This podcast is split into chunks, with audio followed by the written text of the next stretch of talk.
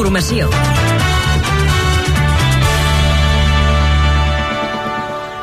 Bona tarda, a les 6. Com tenim el trànsit a aquesta hora, equip viari Catalunya Informació? Bé, doncs el més complicat l'embús que hi ha a la ronda de, de Barcelona entre Horta i Pedralbes en tots dos sentits de la marxa, però sobretot sentit Llobregat, que és en la direcció que hi ha hagut l'accident.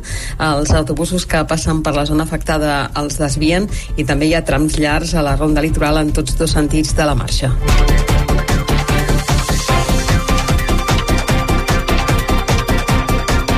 Crisi climàtica deixa una quarta part del planeta sense el menjar que necessita. El darrer informe que ha fet sobre l'estat del clima, l'Organització Meteorològica Mundial, confirma que 2.300 milions de persones pateixen el que s'anomena inseguretat alimentària com a conseqüència de les sequeres, inundacions i escalfament global. Consellera d'Acció Climàtica, Teresa Jordà, afirma que a la Confederació Hidrogràfica de l'Ebre li ha faltat valentia i previsió després que hi anunciés restriccions pels regants que en depenen. Jordà, que ha visitat les obres de la comunitat de regants de Valls, també s'ha ofert a pagar el 60% de la modernització del canal d'Urgell. El govern compensarà els productors de cereal de secà per les pèrdues que van patir l'any passat per falta d'aigua o gelades. Ajuts, però, que segons els sindicats agraris es quedaran curts per fer front a les conseqüències de la sequera actual, més greu i amb més sectors afectats.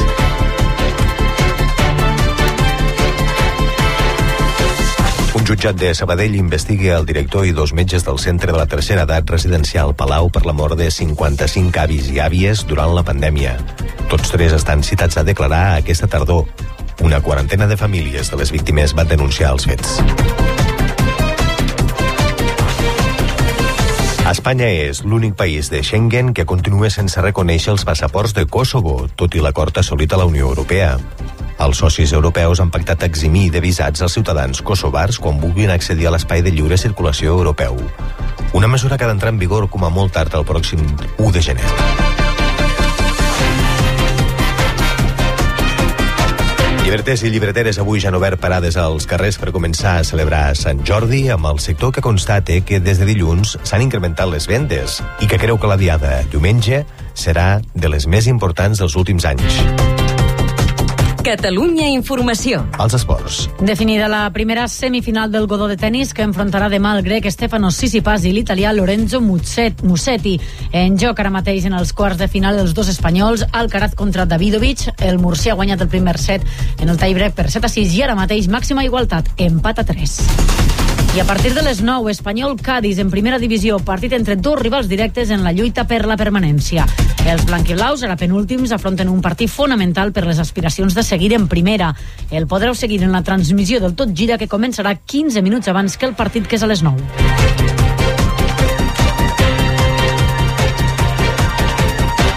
Els núvols baixos del Camp de Tarragona, que encara hi ha, aniran mica en mica disminuint, mentre que les nuvolades augmentaran en zones de muntanya del nord del país. No es descarta algun ruixat puntual a l'Alt Pirineu. Temps assolellat a la resta amb temperatures al voltant dels 25-26 graus i per demà esperem més ruixats.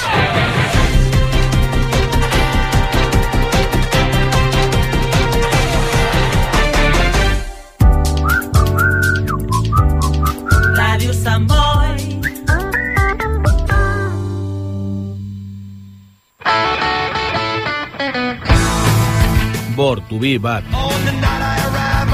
Viernes de 9 a 10 de la noche tienes una cita con el blues y el rock and roll de la mano del Nervus. El mejor blues y rock and roll en Radio Samboy. Hi, this is George Thorogood, and you're listening to Born to Be Bad with Nervous. Des de l'Associació de Veïns i Veïnes al Poblet Marianao volem agrair la fidelitat de tots els socis i sòcies en actiu, recordar a aquells que ens han deixat i donar la benvinguda a tots i totes aquelles persones que vulguin formar part.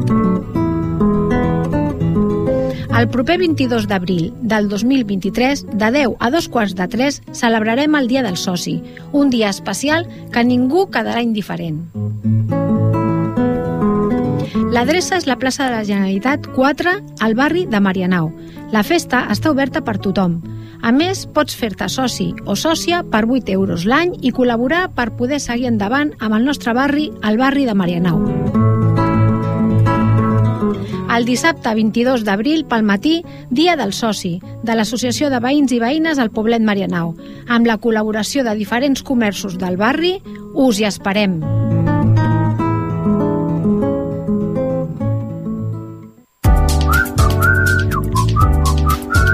Sant Boi. Més de 40 anys amb tu.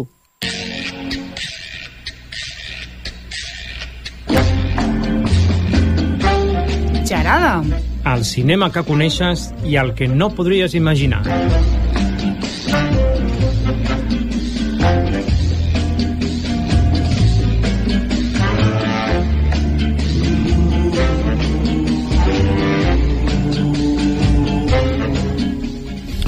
Bé, senyors, nosaltres, el Joan i jo, ja tornem a estar aquí amb el Francesc. Ja tornem, eh? tots tres. sí.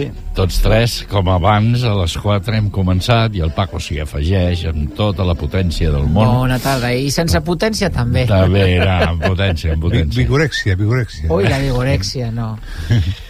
Uh, en aquest espai que veritablement parlarem de les estrenes, dels, eh, d'això, de les sèries, sèries. i, Exacte, i sí. també d'alguna que altra pel·lícula que hem pogut veure. De, escoltarem també doncs, curtmetratges d'aquests que promocionen pel·lícules, no? Trailers, Eh? trailers. i d'altres activitats que s'han anat duent com eh, el dimecres a Marianao arrel de d'un festival relacionat amb les bruixes que comentarem després, sí.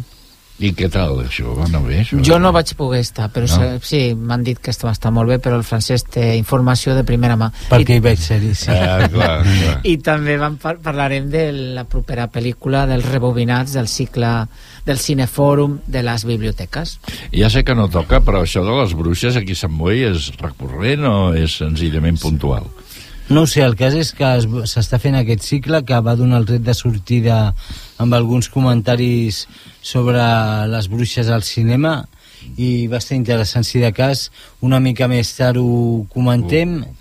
Però ara parlem millor de les estrenes, estrenes. que tenim aquí als cinemes Can Castellet Sí, vaya vacaciones, no? Aquesta és una pel·lícula tòpica. El que ha vingut com el de vaya vacaciones. sí. vaya fiesta Uh, bé, vull dir, aquests es veu que són uns avis que d'una manera o altra no deixen d'estar condicionats, per no dir una altra cosa, per, perquè els fills fan viatge o se'ls inventen precisament per estar bé i llavors aquí bueno, es, parla, es parla de gent espavilada no? Eh? els que Sí. fan coses d'aquestes Però atenció, el subtítol de la pel·lícula és, Sí. és no haberlos tenido.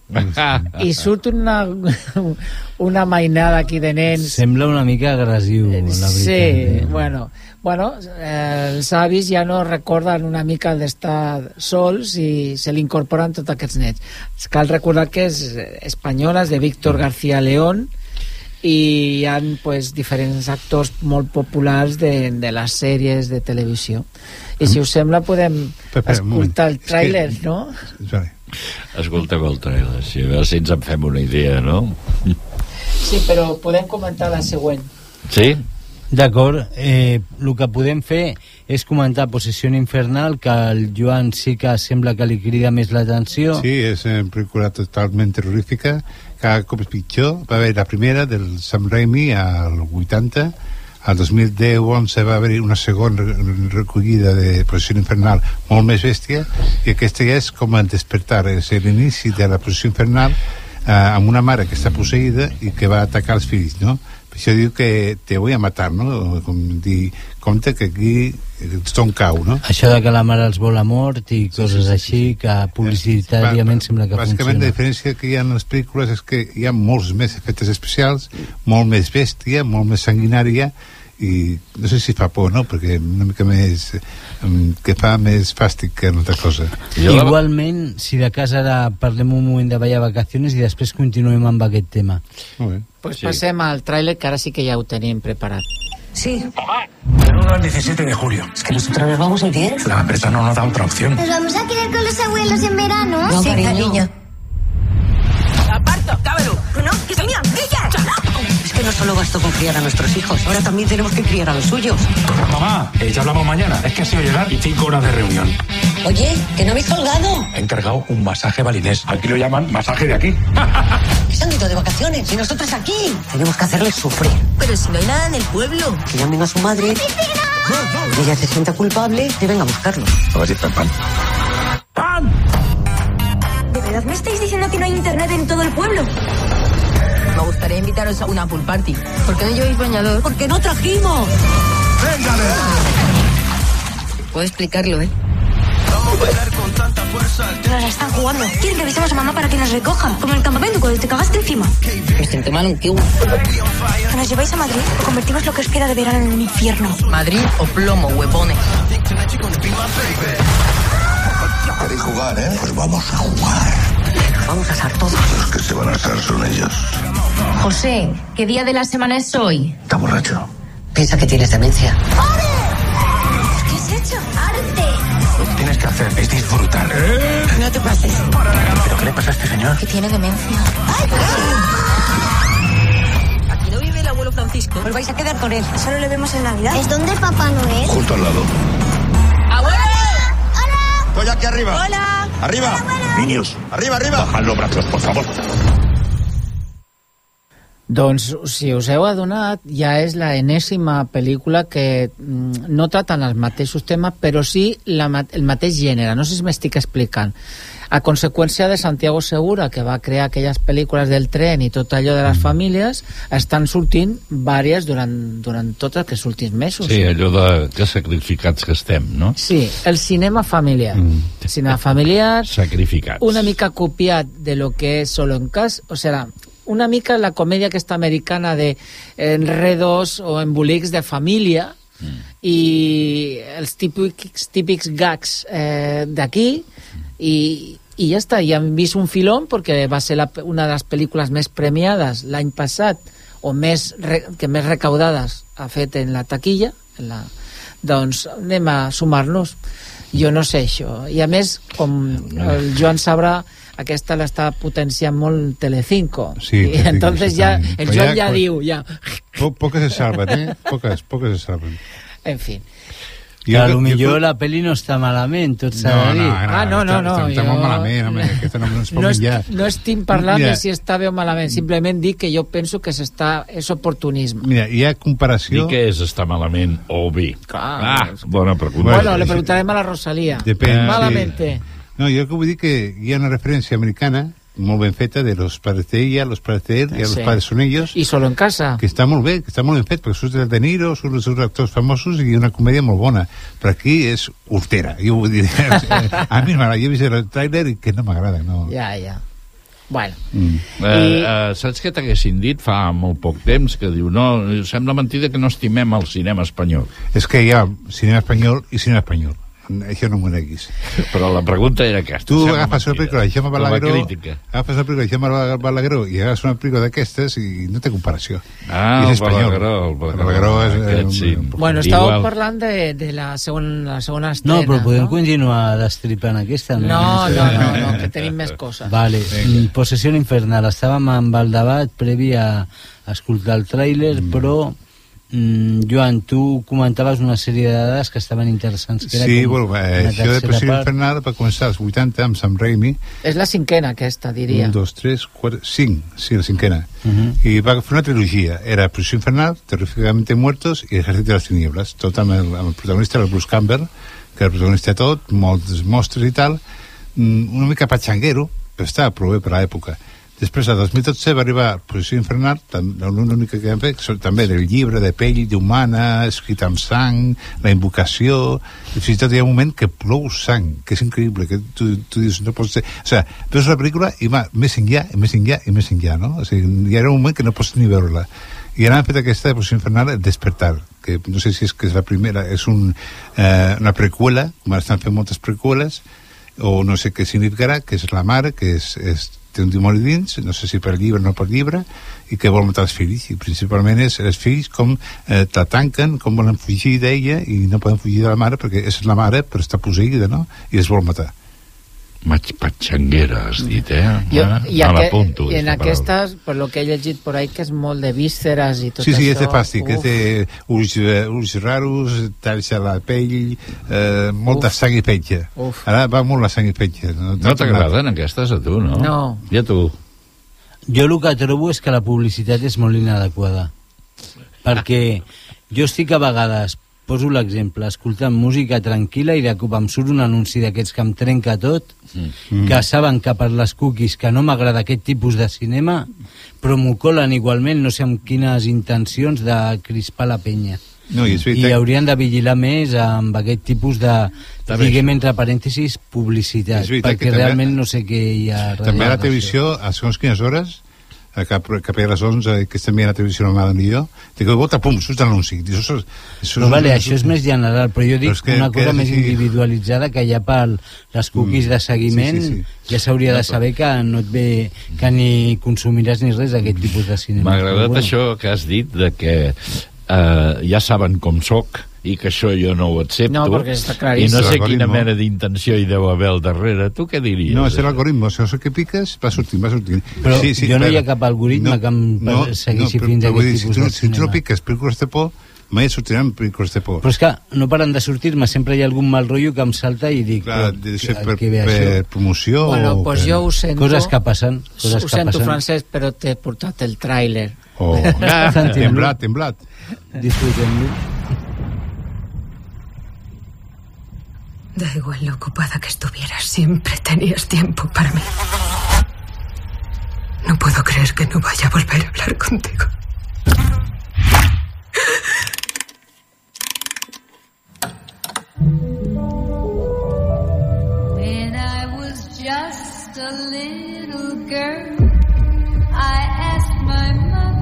¿Qué es esto, Dani? Lo he encontrado.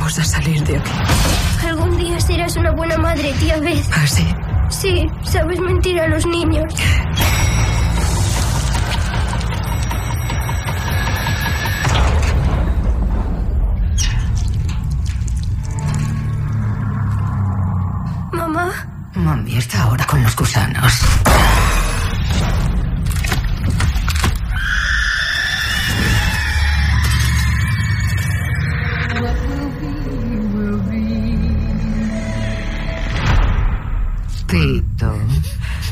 Pito. Gorgori.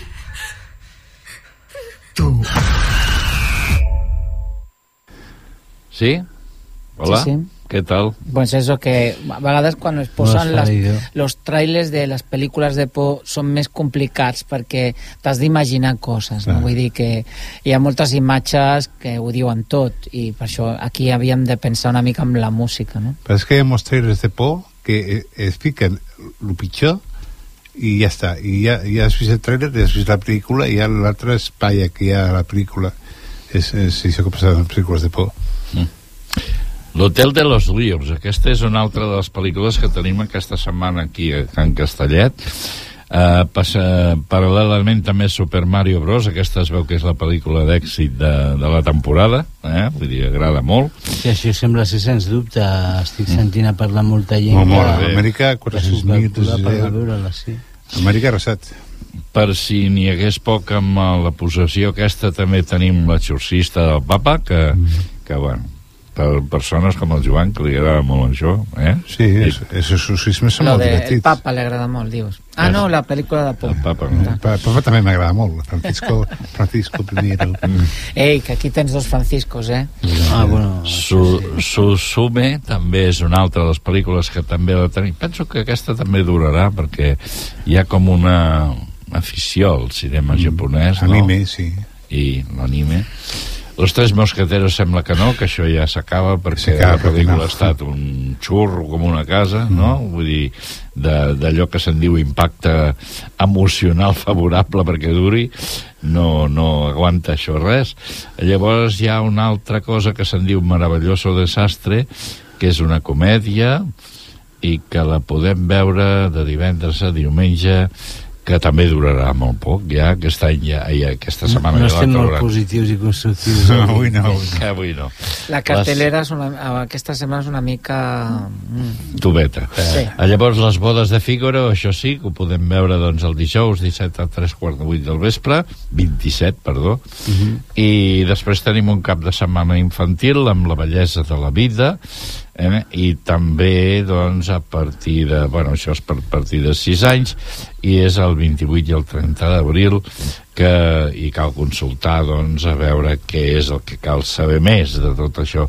Hi ha una altra pel·lícula, Els grans d'art al cinema, en Una aquest... sèrie de documentals artístics que, Sí. Que en Castellet Cinema es va posant i que està molt interessant, sí. Aquesta que ho és de tindrem el 25, 26 i 27 d'abril Qui toca ara? de 5 a 9 i toca aquesta vegada Munch i sus criatures Munch, fantàstiques. Munch. Han fet una pel·lícula de Munch, una biografia. Doncs no, sé si és aquesta no, o no, no, és- però és- aquesta té més pinta de ser un reportatge. No, sí. aquí, aquí és biografia, aquí és biografia, biopic de Munch i tot el seu entorn. El cas és que, segons ens diu el part de la propaganda, eh, el nou Museu Munch acull l'immens llegat de l'artista que va deixar la ciutat. Eh, 28.000 obres d'art, 28.000. No està gens malament. Prolífic. sembla el grito ja. Que I- el perquè- Grillo és la més coneguda. I, i van aparèixer els nazis i li van treure tota l'obra també que tenia, perquè si no, tela. Seria encara més... Molt més extensa. Però sí. El Grillo que és una obra, de no equivocar-me, del finals del segle XIX, que No, a principi- lo esfereïdor, sí. o principi, però, Principi però no? encara no s'havia... Però, però encara... No era l'expressionisme, encara? El, el, sí, sí, per això que a fina, finals del segle XIX mm. i, que, i que a mi em va... Jo quan vaig veure el Grito de Munch creia que era d'entre les dues guerres mundials però no és d'abans. O sigui, ja hi havia aquella tensió Ah. i tot això, sí.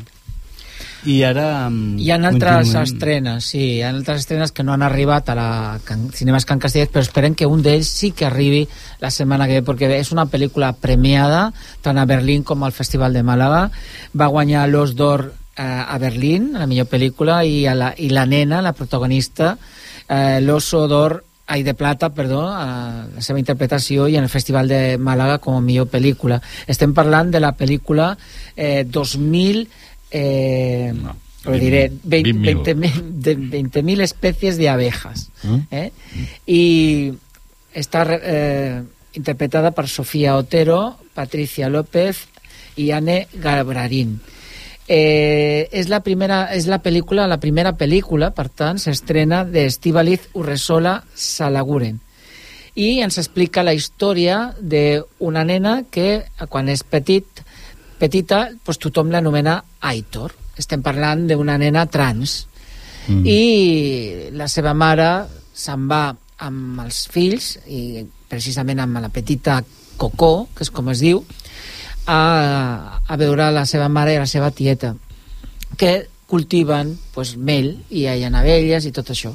I allí es crea aquesta relació intergeneracionals amb la tia, la mare, la, la l'àvia i la nena. I veiem aquesta transformació, acceptació i aquest món d'una nena de 8 anys que vol que és, que és una nena i que deixa de ser un nen i bueno, em semblava molt interessant tenim el, el tràiler d'aquesta pel·lícula Molt bé.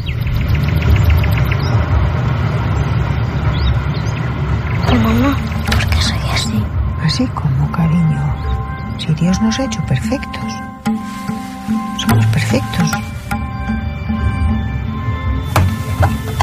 Tu peluda y ley? Bai. ¿Y seco? ¿Eres médico? Yo no. Ellas.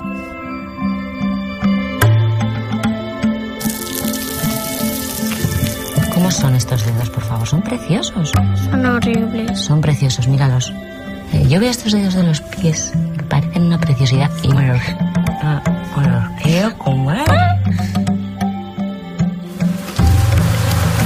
Quería hablarte de Héctor.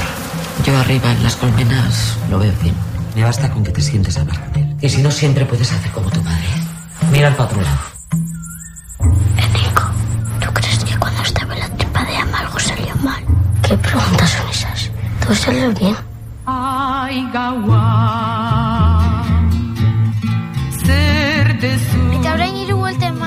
emango dizkiogu zuari, desioak bota aurretik.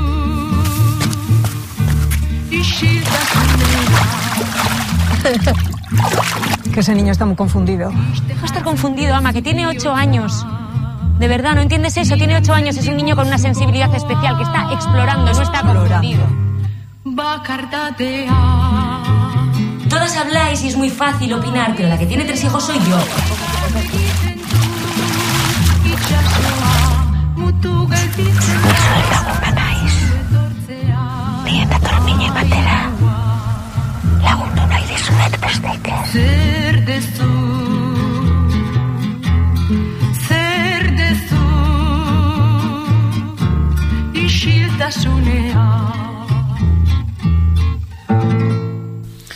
Semblaria que trata diferents temes i penso que està molt ben treballada. Diu que és una pel·lícula amb molta llum, amb molta claretat i tinc molta curiositat de poder... La veritat I, és que I sí. per acabar aquestes novetats pues, tenim un documental que m'ha cridat molt l'atenció que es- que s'estrena a Barcelona que es diu Libres i vosaltres quan us parlen de la vida contemplativa què penseu que és? Bueno, que hi ha qui ho pot fer i hi ha qui no. I pues, bueno, pues, Meditació més aviat. en una Meditació i la meditació, no? Doncs un, imagineu-vos una persona que en el segle XXI es fica en un monestir i ens mostra el dia a dia d'aquesta persona que s'ha envoltat de quatre parets i fa una altra vida diferent a la que fem nosaltres. A mi em semblava interessant aportar aquesta idea de, de, contempla, de la, vida, la vida contemplativa, perquè moltes A vegades... tu et va una mica això de contemplar, eh? No, no, no, no, no. M'agrada més eh, estar en persones, però a estones, per què no? Va, No? D'acord, Sí? ja t'hi ja sí, sí. pues anem a posar el trailer.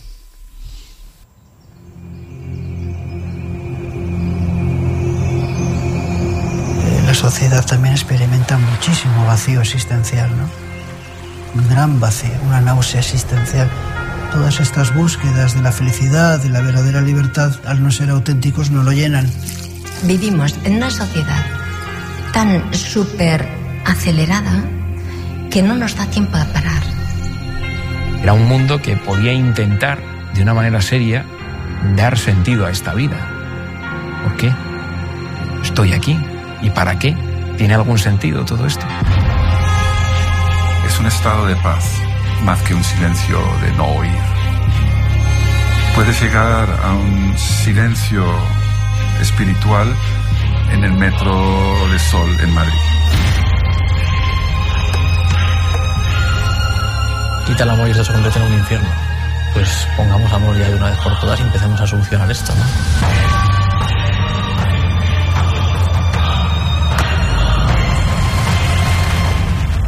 Que suenen las campanas. Que el monasterio está abierto. Que ahí hay unas mujeres que están locas. ¿Qué hay detrás de esas mujeres que hay ahí dentro?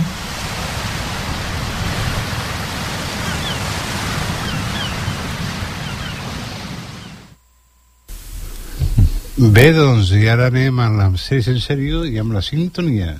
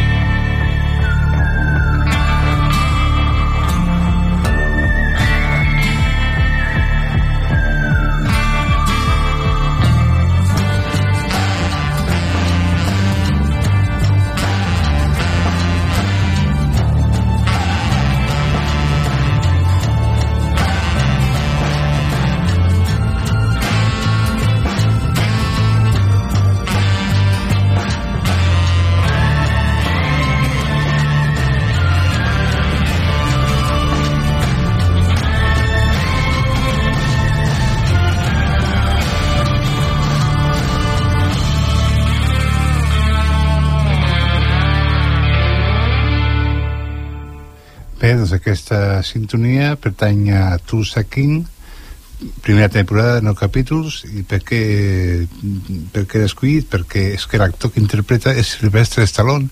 Fent una sèrie, ara tots els actors fan sèries tots, tots junts. Llavors, just després de ser alliberat de la presó després de 25 anys el capo de la màfia de, de Nova York el general Manfredi interpretat per Silvestre Stallone és exiliat sense contemplacions per su jefe per instal·lar-se a Tulsa, Oklahoma.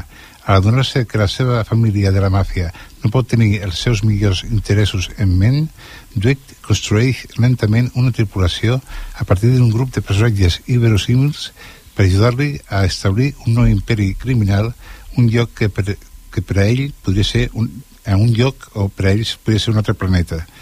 Clar, acostumat als grans crims, la màfia, la droga, doncs l'envien a quinta punyeta i ell mateix eh, va a un lloc de marihuana que és legal i fa que sigui legal i que li donin un 25% sent legal el negoci és una sèrie molt divertida molt entre- entretinguda i podem veure un Stallone mm, divertit i còmic, una mica còmic però també hi ha molt de seny i hi ha molt de, molta serietat també una altra sèrie que ha sortit nova, bastant nova, és Entrevista amb el vampir, primera temporada, set capítols, basada en el popular llibre d'Anna Reig, i ja es va fer una pel·lícula protagonitzada per Tom Cruise i Brad Pitt. La sèrie centra en el vampir Luis del Pont du Lac, mentre relata la història de la seva vida a un reporter, en particular com es va convertir en vampir i com va ser tutelat per l'estat de Lockhart, l'altre vampir. Hi ha canvis eh, a l'original. Louis aquí és negre, l'acció passa al 1910 i aquest, aquest eh, Louis es dedica al proxenetisme. Llavors la trama passa de l'amor a l'odi i rebuig de Louis de matar i beure sang dels humans. Una altra sèrie pues, força interessant, una mica, així, una mica criticada, però és bastant interessant, és The Watchful Eye, d'estil vigilant, una primera temporada de capítols. Elena Santos, una dona amb un passat complicat sobre el camí per treballar com cuidadora de nens interna per una família acomodada a Manhattan. Ràpidament s'assabenta que tots els ar- edificis tenen secrets mortals i motius ocults. Per ells no saben que Helena entra a treballar per tal de robar un caríssim rubí amb l'ajuda del seu nuvi policia. Hi ha un misteri amb el suïcidi de la dona per a qui treballa i d'altres secrets. No tothom sembla qui és. I, darrere, i la darrera, un, la, la sèrie que us comento avui, eh, tracta d'un fet real a la Segona Guerra Mundial, es diu Transatlàntic, primera temporada, set, set capítols, i està basada en història real, ubicada a Marsella, durant la Segona Guerra Mundial, en 1940-1941. Es explica la història real de Barry Ann Fry, Mary Jane Gold i el Comitè de Rescat d'Emergència, arriscant la seva vida per ajudar a més de 2.000 refugiats a escapar de França enmig de l'ocupació nazi. Entre ells, molts artistes de la llista dels més buscats. Un grup de joves herois internacionals i els seus famosos prestigits ocupen una vida a les afores de la ciutat. Allà, davant del perill mortal, neixen col·laboracions impensades i històries d'amor apassionades. Molt bé. Doncs bé, per cert, eh, de la sintonia no sé si us ha semblat que a mi me recordava una mica La muerte tenía un precio. Una miqueta amb, el xulet, sí, sí, no? sí, sí. El xulet. Perquè està molt bé, surt Sylvester Stallone fent un paper eh, sempre de gàngster i tal, tal, però que és com, com si ja tingués bellesa, no? Bellesa de, de, vell, de vell. O sigui, donar, donar consells, eh, convida a copes, i és això que d'un negoci legal, com és la marihuana allà a, a, on està el Tulsa, doncs requereix el 25% per protecció. Mm. O sigui, és, és molt còmica i molt divertida, és molt, molt bona. Doncs ara us posarem una, un tema eh, que introdueix una mica la pel·lícula de la que es parlarà a Rebobinats. Escoltem una miqueta a veure si recordeu quina pel·lícula es tractarà en el Cinefòrum de les Biblioteques.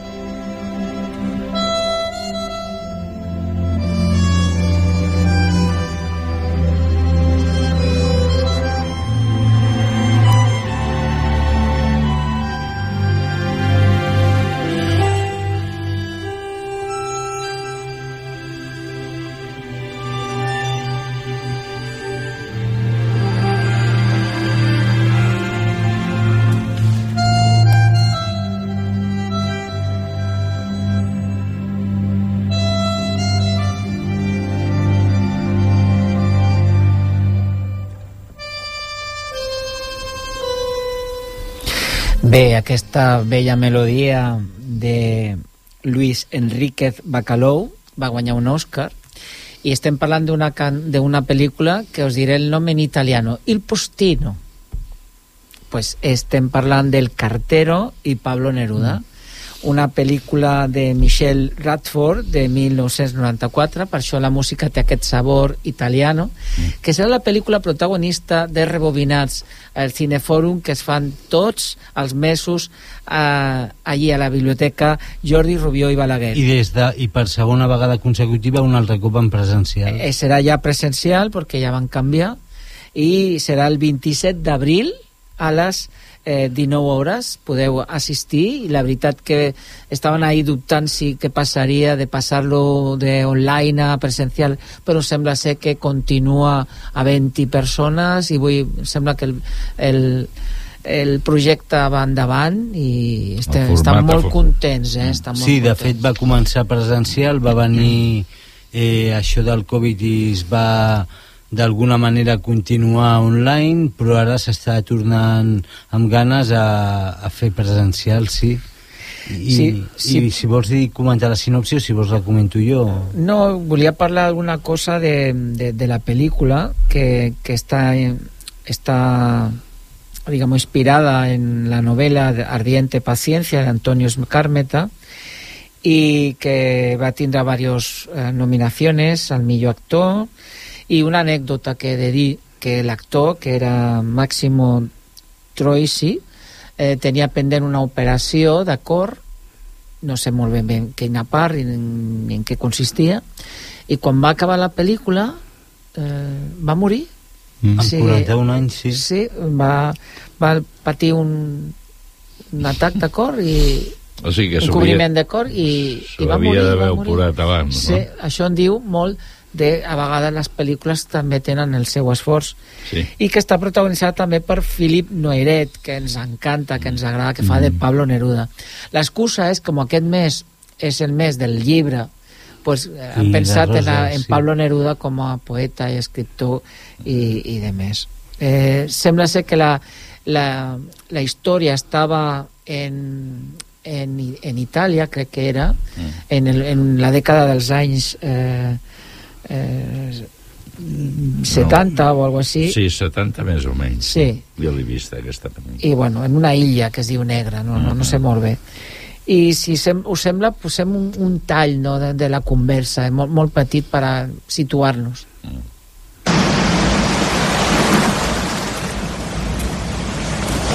Don Pablo,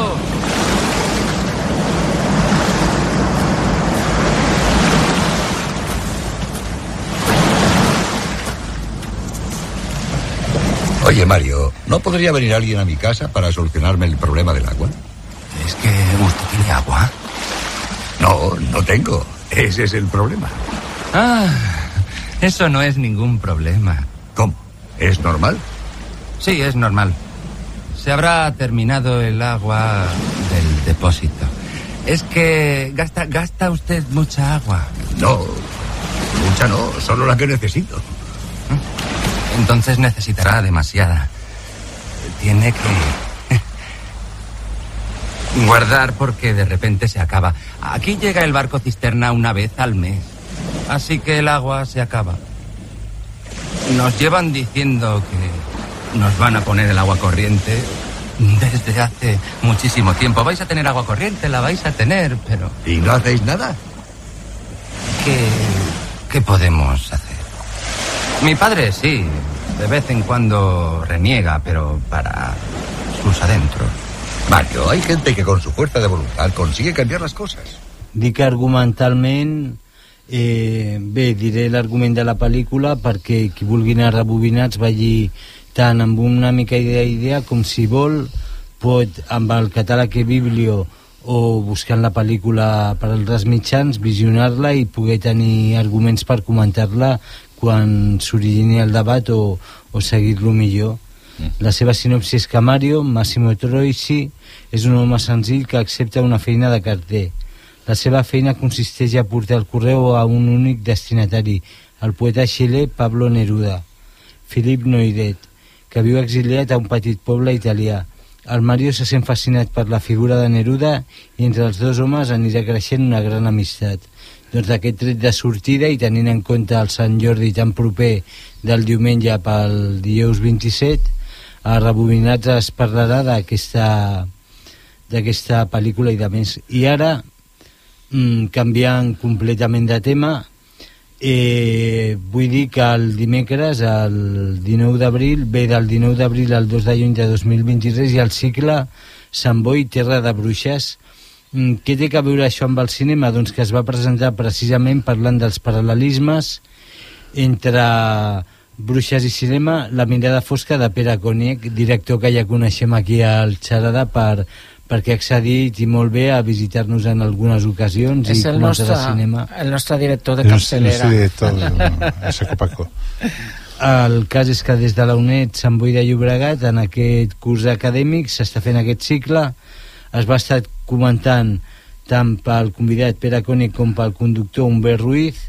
Eh, el dimecres a les 6 i mitja doncs una sèrie d'anècdotes que anaven cinematogràfiques des dels, des dels anys 20 del segle passat fins a l'actualitat un segle de cinema reflectit per comentaris que es feien sobre bruixes de cinema i a mi la que més em va impactar va ser potser perquè em va agafar d'adolescent i, i vaig veure com es desenvolupava el de la bruja de Blair que escoltarem ara una mica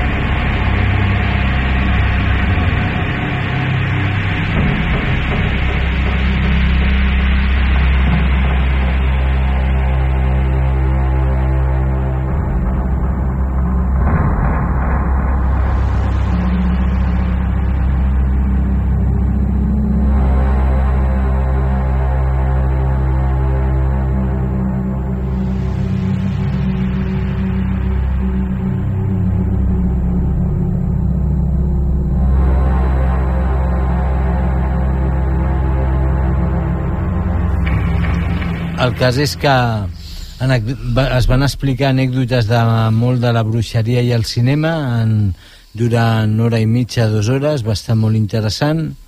Eh, però el que més in, impactava d'això és la campanya que es va fer per que va ser la publicitat que va fer que la Bruja de Blair fos un èxit. No era perquè fos filmat en plan amb pocs mitjans o amateur sinó que es barregés entre llegenda i cinema de veritat el fet d'aquelles cintes que, que feien la pel·lícula. De fet, es va dir que el que va ser la campanya publicitària inicial en un moment als 90 llargs, tocant el 2000, que internet no era ni el que és eh, actualment, en, en la qual es va posar a les xarxes el cartell de tres estudiants excursionistes desapareguts i realment no se sabia si s'estava si s'anava a emetre un documental, una superstició una, o plenament una pel·lícula. I això és el que més va donar l'efecte de seguiment cap a aquesta cinta cinematogràfica. Tu, Joan, com ho veus? Tu que mitjanament segueixes aquest Sí, he tipus de vist cinema? dues, hi ha una part i una segona part de la bruja de Blair i mai em va sobtar una mica el mètode de filmació, no? Era, també era subjectiu, objectiu, grans plans, en blanc i negre, sobretot quan hi havia el, el moment d'entrar a la casa, però realment no es veu a ningú dolent, no, no, no s'arriba a veure, no? Tots surten corrents, sempre cridant, i a mi el que em sota és el final que estan de cara a la paret, no? Com un càstig. Sí, com un càstig, però no sé, no sé què li fan, està ja la pel·lícula i, què és, i ara què, no? Que em, falta, em falta material aquí per, per, per fer-ho. Bueno, segons van dir a la xerrada, per unes pistes anteriors dins la pel·lícula sabien que qui posaven de cara a la paret com un càstig posteriorment seria d'alguna forma executat. Mor, mort, sí, sí, sí, sí, sí. Però clar, creus que, que queden eh, de cara a la paret però no, no es veu res més, no? És que, és que es tanca la pel·lícula. En canvi, la segona part és més... Eh, com referir a la... O sigui, eh, segueix els passos de la primera part i tu, tu, tu tu, tu, tu, tu obre una mica més la vista de la, de la pel·lícula, de com és, i l'impacte que ha tingut aquesta pel·lícula davant la societat, no? De, dels restes que han quedat gravats.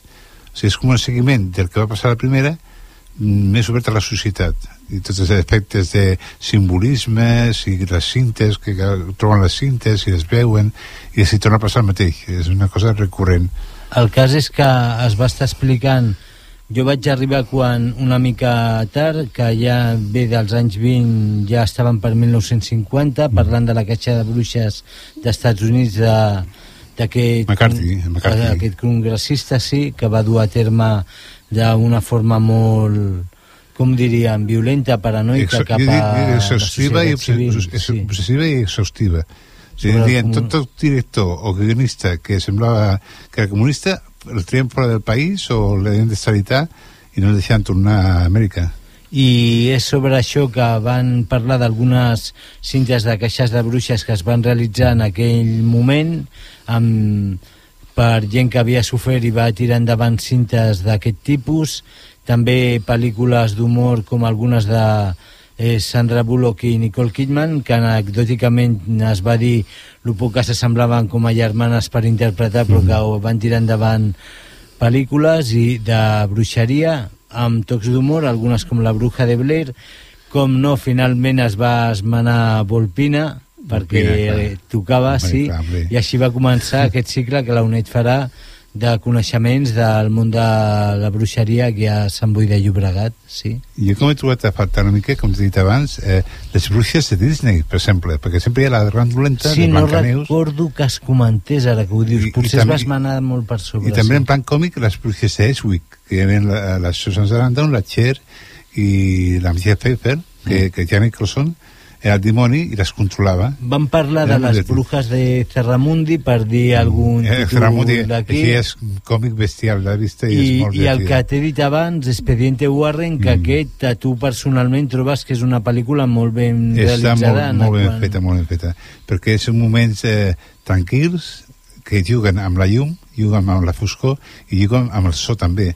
Però en el moment que estàs veient-la, mm, quan passa una cosa, puja el so moltíssim i veus que passarà i passa. O sigui, no, no pots evitar que, que no passi. Quan passa una cosa, passa. I és una parella molt maca que, que és real, aquesta parella és real. I, I els fills, sí. Sí, sí, tot, tot és real. I es veu que el, el, les joguines que tenen i arxius que tenen també són reals. I et dic una cosa, fa més por la família real que la recreada, perquè en la recreada li han donat el toque per arribar al públic, però l'altre es veu tan fred i en posicions tan sí. a les fotografies que dius, ostres, sí. cuidado, eh? Sí. I tu, Jaume, quina, quina bruixa recordes del món del cinema? Si alguna bruixa que et vingui al cap? Ara, ara jo estava pensant què opino jo de les... Ah, vale, què opines? estava pensant, no? Vull dir, perquè veritablement i probablement no ha estat un tema que, que m'hagi interessat, no? però sí que a veure, una anècdota d'infant allà on vivia Cornellà concretament doncs hi havia senyores que estaven catalogades de bruixes uh ah. -huh.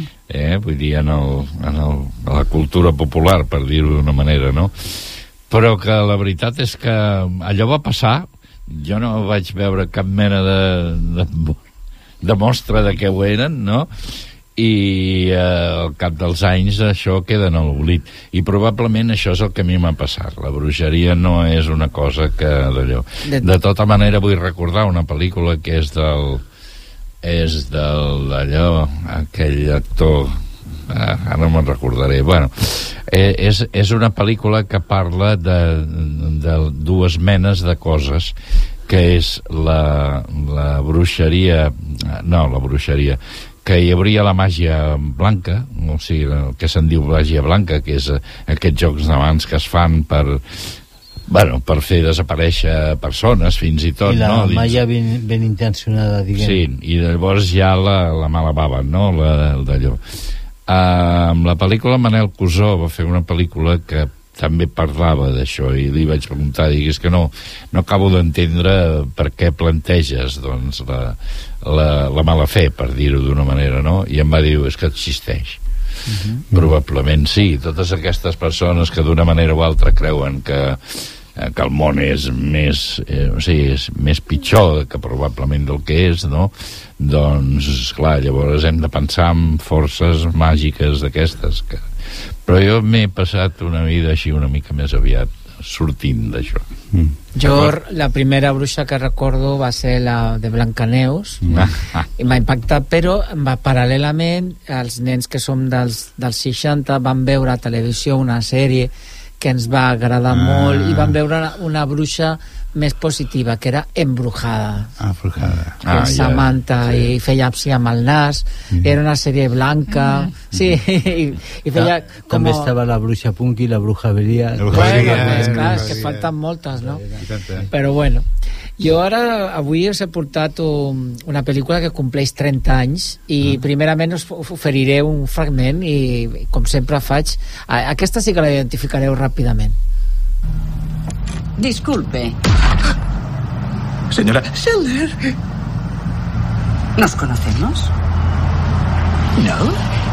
Pero Dani me ha hablado mucho de usted. Soy su hermano. Sí, su hermana mayorcísima. Tiene usted sus ojos. Oh, solo si él rellena una tarjeta de donante. Está en casa el señor Gilar, tengo una cita. ¿De veras? Oh, qué maravilla. Espérale aquí él bajará enseguidita. ¿Subiré con usted? No. Sí. ¿Por qué? Porque estoy citada con él los lunes y viernes por la tarde para supervisar el apartamento. Perdone. ¡Dani! ¡Dani, muchacho! ¿Dónde estás? Oh, está aquí. Ya lo he encontrado. Dani, ha venido a verte una tal señora Seller. Ah, ¿está aquí? Sí, que ahorita está aquí. Ah, señora Sellner, acabo de salir de la ducha. bueno, a veure, digueu-me digueu Four Roms, Four Roms. no, no No, Four Roms, no? Dolittle, ai, Ah, Dolittle, Dolittle. la senyora que està... El La Robbie Williams... Buffire. La senyora Doubtfire Anda. tot el que ha de fer Robin Williams Ja ves. per estar a prop dels seus fills. fills, no? després d'un divorci, O una el que li dona separació. per fer, millor dit, sí. Recordo que en l'any 93 havien passat només 10 anys aproximadament que el divorci s'havia aprovat en Espanya, per tant tampoc havien portaven molta tradició. No avançats, Els eh? americans sí, per tant això ja era quasi una broma, no? Home, quan, quan es va estrenar Kramer contra Kramer, ningú en Eh, tenia clar, que jo. clar. I diu, "Hosti, què és això, Estem parlant d'una pel·lícula de, del gran Chris Columbus, eh, director de Gremlins, Los Goonies, Nueve Mm. Meses, El Hombre Bicentenario, Harry Potter, Scooby-Doo... Però vam trobar amb aquesta Mrs. Doubtfire, una pel·lícula del 93, com hem dit, que està basada en una novel·la de Anne Fine, de, es deia alias Madame Doubtfire. Va guanyar un Oscar, però a què cosa, a què apartat li van donar l'Oscar? La cançó, No, al vestuari, mm, quasi. gairebé. maquillatge. Maquillatge, clar, no podia ser d'una altra Ah. forma quan Robin Williams Sí, sí, es, que se canvia, es canvia amb el personatge d'aquesta senyora gran tan bona persona que semblava no? Ah. no podia ser d'una altra forma maquillatge, tot i que va va també rebre alguns globus d'or a la millor pel·li i com no eh, al millor actor hi ha un antecedent que és Tutsi, de Dustin Hoffman, sí, també. sí, sí. Aquesta és més comèdia, mm. penso, i és molt divertida. Hi ha escenes bueno, que han passat a la història, tot i que és més recent, mm. protagonitzada per Robin Williams, Sally Field i, mm. atenció, Pierce Brosnan. Chris Brosnan, el 007. Cer- Un zero, uno dels 007. Uno, Hem de dir que sabeu com, com s'anomenava aquesta pel·lícula en Hispanoamèrica? Papá por siempre. No són res canviant títols de tot arreu. Eh, sembla ser que va haver-hi, com va ser un èxit eh, de taquilla, que eh, se, es presentava l'oportunitat de poder fer una segona part. I es van presentar diferents guions. Els van rebutjar tant Robin Williams com de més. I, això ja no sé si és veritat, però el 2014 semblava que ja la cosa estava molt, molt clara, però va morir eh, Robin Williams. Bueno, va morir, va bueno, suïcidar. va, es va morir, sí. Però t'enfada que es va 8 anys, 9... Eh, I clar, vull dir que va quedar la cosa... Jo, jo m'entendré com un actor així, potser té les raons, que semblava simpàtic, alegre, de, de, de, dinàmic, i de manera que va morir, no? I jo, bueno. em vaig quedar trasfalsat. Jo vaig Possiblement no, no sabem. Quan, no una, sabem, no quan sabem. una persona suïcida sí, sí, sí. no sabem ben bé. Però jo em vaig quedar molt... No caldria saber-ho, eh? No. Jo em vaig, sí. fer, jo em vaig quedar molt fet caldo. Quan vaig assabentar-me per les notícies, no pot ser, no pot ser, no pot ser. Mm. No sé. Per acabar-nos... Eh... I el Sant Jordi també el tenim que comentar ah, el diumenge. Sí, sí. Almenys tu i jo tenim que fer una breu nota, sí. Sí, sí, però Diu parla, jo. parla. Ho comento? Sí. Doncs que, bé, als pocs minuts que queden del xerada, comentar que aquest diumenge eh, tant el Paco com jo estarem a la Torre del Sol a les 7 de la tarda perquè presento dos llibres, el Trajectòria i el Dormidos en el Nunca, l'edició del 2022, i el Paco ha accedit a amenitzar amb una entrevista perquè no sigui una cosa tan... Bueno, fer-ho més a més. I allà estarem a les 7 a la Torre del Sol aquest diumenge dintre de tota la jornada que s'ha organitzat de signatura d'autors pel matí, migdia, tarda i finalment a la tarda les presentacions de la Torre del Sol. Us esperen en la jornada també al, al, al, durant el dia que es signaran llibres dels diferents autors de Sant Boyans. I per acabar, pues, una de les pel·lícules d'aquesta pel·lícula de Missy Dorfire. El títol titulat, ai, el títol traduït es deia Tío, parece una mujer. Era evident. La banda Aerosmith. Amb Ai. aquesta banda ens acomiadem fins la setmana que ve. La setmana que ve. Adéu, adéu, adéu, adéu. Catalunya